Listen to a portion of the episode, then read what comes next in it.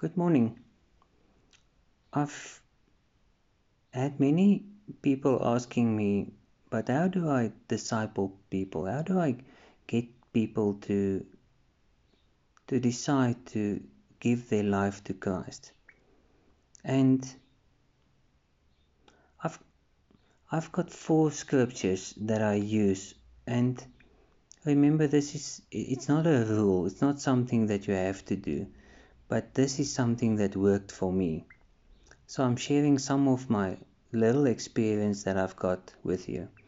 And I'm over the next 4 days I'm going to every day I'm going to give you one scripture.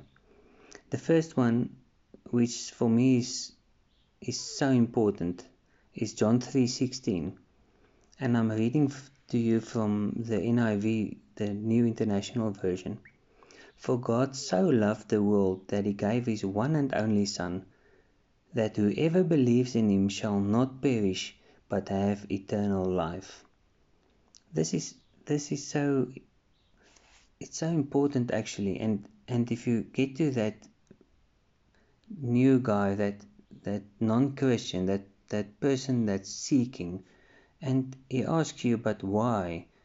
You can tell him, but the, my Bible says that God so loved you, he, he still loves you, that he gave his son, that his son decided to give his own life so that you may have hope, so that you may live.